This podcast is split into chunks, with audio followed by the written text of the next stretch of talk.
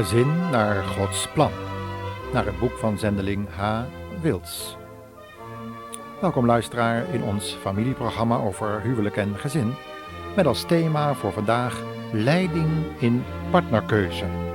U kunt dat onderwerp vinden in Genesis 24.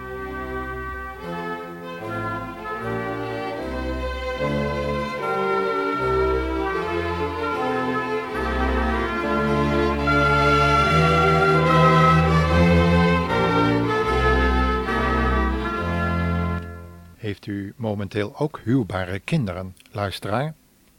Dan weet u hoeveel spanning dat in het gezin kan opleveren. Op die leeftijd, dan kunnen ouders zich met de volgende vragen bezighouden. Welke jongen zal onze dochter krijgen?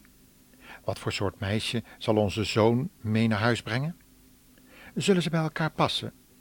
En hoe zullen de onderlinge familieverhoudingen zich gaan ontwikkelen? Allemaal vragen die ouders bestormen wanneer de eerste tekenen van volwassenheid zich bij de kinderen gaat vertonen. Kenden de Bijbelschrijvers ook zulke problemen?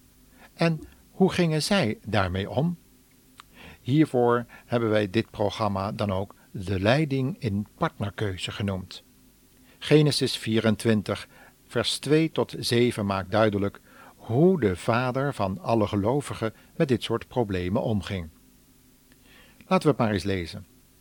Op een dag zei Abraham tegen zijn rentmeester, die ook zijn oudste dienaar was: Zweer toch bij de Heere, de God van hemel en aarde, dat je mijn zoon niet zult laten trouwen met een meisje hier uit de streek, een Canaanitische. Je moet naar mijn geboorteland gaan, naar mijn familie en daar een vrouw voor hem zoeken. En als ik dan geen meisje vind die dat hele eind met mij mee wil reizen om uw zoon te trouwen, vroeg de dienaar, moet ik dan Isaac dan terugbrengen naar het land waar u zelf vandaan bent gekomen? Nee, waarschuwde Abraham, dat mag je onder geen beding doen. De Heere, de God van de hemel, heeft mij uit mijn geboorteland bij mijn familie weggeroepen, om mij en mijn nakomelingen dit land te geven. Hij zal een engel voor je uitsturen en ervoor zorgen dat je daar een meisje vindt wat met Isaac kan trouwen. Tot zover de korte geschiedenis. En daar moest dan die Ebimelech, de knecht van Abraham, het maar mee doen. Wat zal hij de Heere gebeden hebben om leiding, zoals dat koor daar door middel van een gezang tot uitdrukking wil brengen. Heer, wilt u mij leiding geven? Jezus heeft mij hand gevat. Hij zal mij veilig leiden.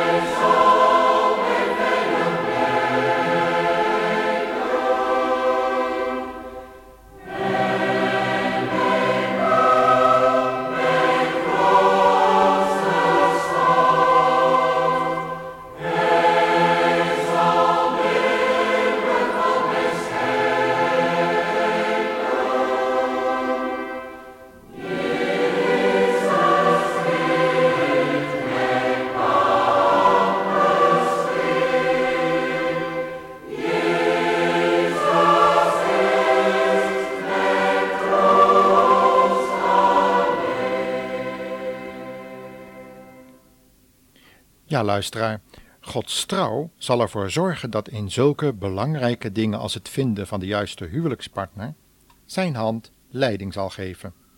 Wanneer we God hebben leren kennen als Vader, omdat we in zijn Zoon Jezus Christus onze Verlosser en Heer hebben gevonden, dan zullen we in het vinden van onze levenspartner de leiding van Gods geest kunnen ervaren. De huisknecht van Abraham wordt erop uitgestuurd en hij heeft het meegemaakt, wat het betekent om een vrouw naar Gods hart te zoeken. Want in dat zoeken heeft hij de leiding van God ervaren. Maar in dat zoeken herkennen ook veel jonge mensen zichzelf.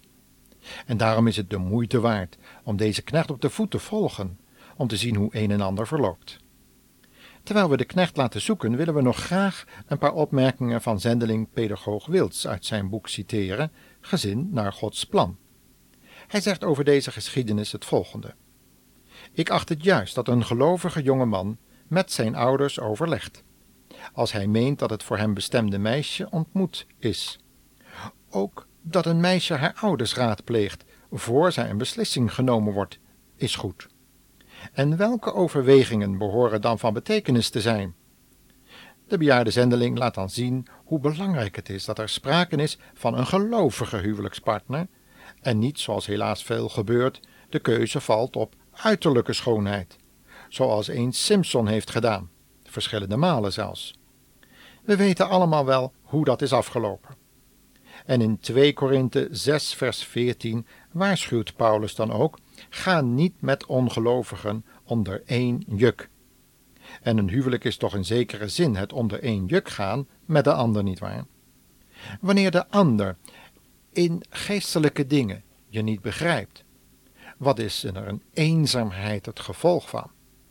En in wat een verwarring komen de kinderen die uit dat huwelijk geboren worden. Troost en blijdschap is er dan zeker niet, omdat de ander Jezus niet als Heer en huwelijksvriend erkent. En dan is het er zeker reden om gevaar te zien. Maar gevaar, ja, dat heeft te maken met ongeloof. Luistert u maar.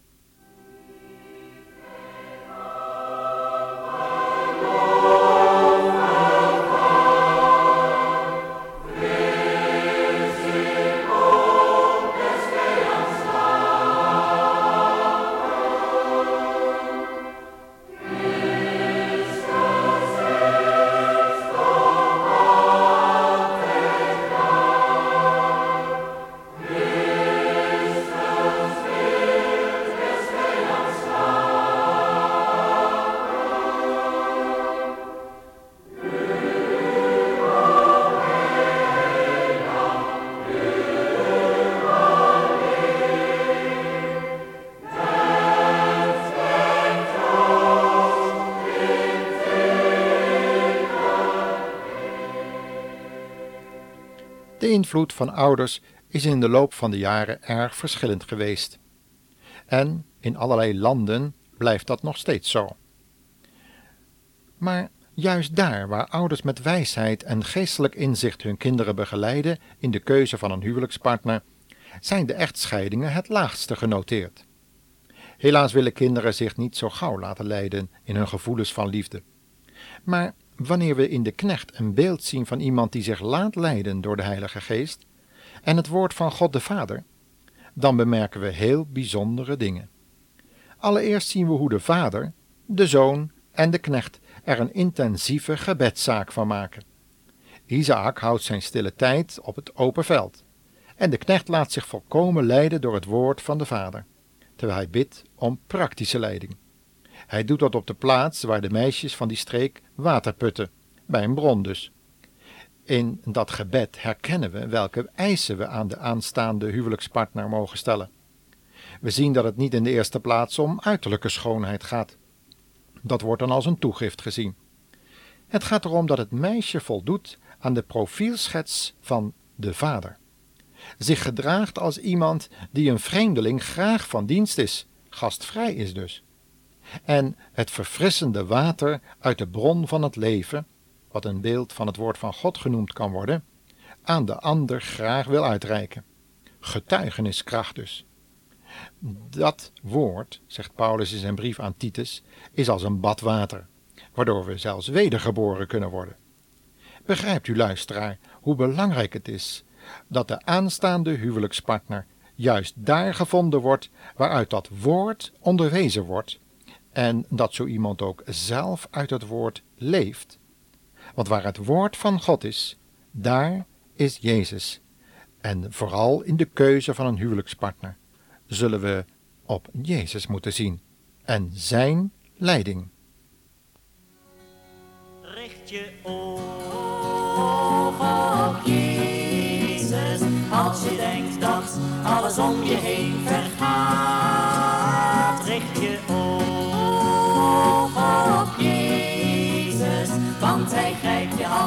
Het leven moeilijk gaat.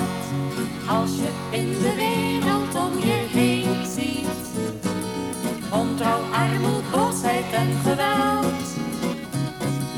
Alles is vandaag de dag onzeker. De dagen van de wereld zijn geteld. Richt je Oog op Jezus, als je denkt dat alles om je heen vergaat.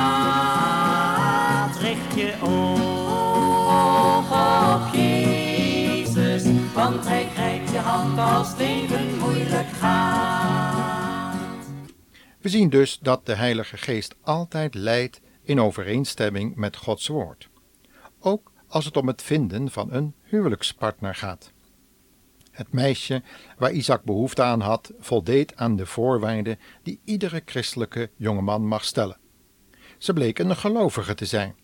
Ze betoonde gastvrijheid en was bij de bron te vinden, een beeld van de gelovigen die zich rondom het woord vergaderen.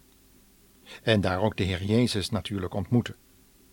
Ook kreeg ze van haar ouders gelegenheid zich op het aanzoek te bezinnen, want ze lieten haar vrij in de uiteindelijke beslissing. We leren hieruit dat liefde en leiding van de geest van twee kanten moet komen. We zien hier dus een biddende jongeman die de leiding van Gods geest afsmeekt en een biddend meisje wat het aanzoek voor Gods aangezicht brengt, terwijl ze op antwoord wacht. Zou zo'n prille relatie, waarin gebed en leiding vanuit Gods woord zo'n belangrijke rol spelen, zonder de zegen van God kunnen blijven? Natuurlijk niet.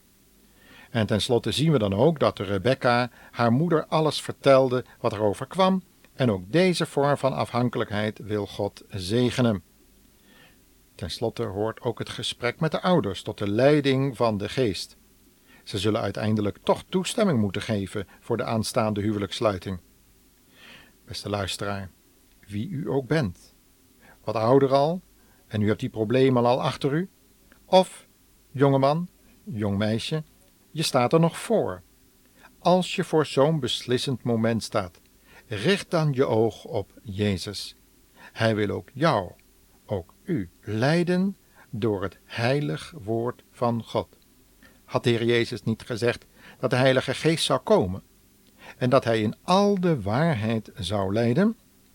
Mag ik u in dit opzicht ook vragen: hebt u de Heilige Geest ontvangen toen u tot geloof kwam? Want alleen Hij kan die wedergeboorte tot stand brengen, waardoor we de leiding van Gods Geest in ons leven gaan herkennen, vooral in het kiezen van een partner, ja ook van vrienden, ja van belangrijke dingen, besluiten die in je leven verstrekkende gevolgen kunnen hebben. En is een huwelijk dat niet? We blijven immers bij elkaar totdat de dood ons scheidt. Nou, dan heb je daar wel de leiding van Gods geest voor nodig. En hij wil dat zeker geven. Richt dan je oog op Jezus, die dat aan jou, aan u wil geven. Richt je oog. Op Jezus, als je denkt dat alles om je heen vergaat. Richt je. Oog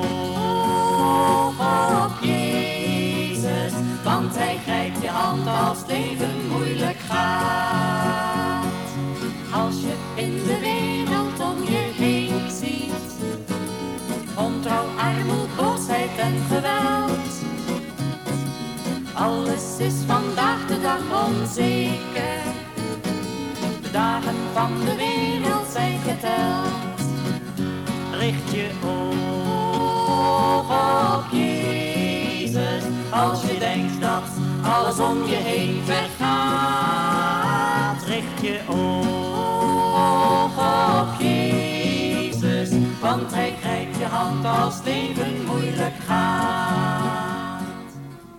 Graag nodigen we u uit voor de volgende uitzendingen, die in dit geval over het verscheurde gezin gaat. Genesis 25 tot 28. God zegen u en tot de volgende uitzending.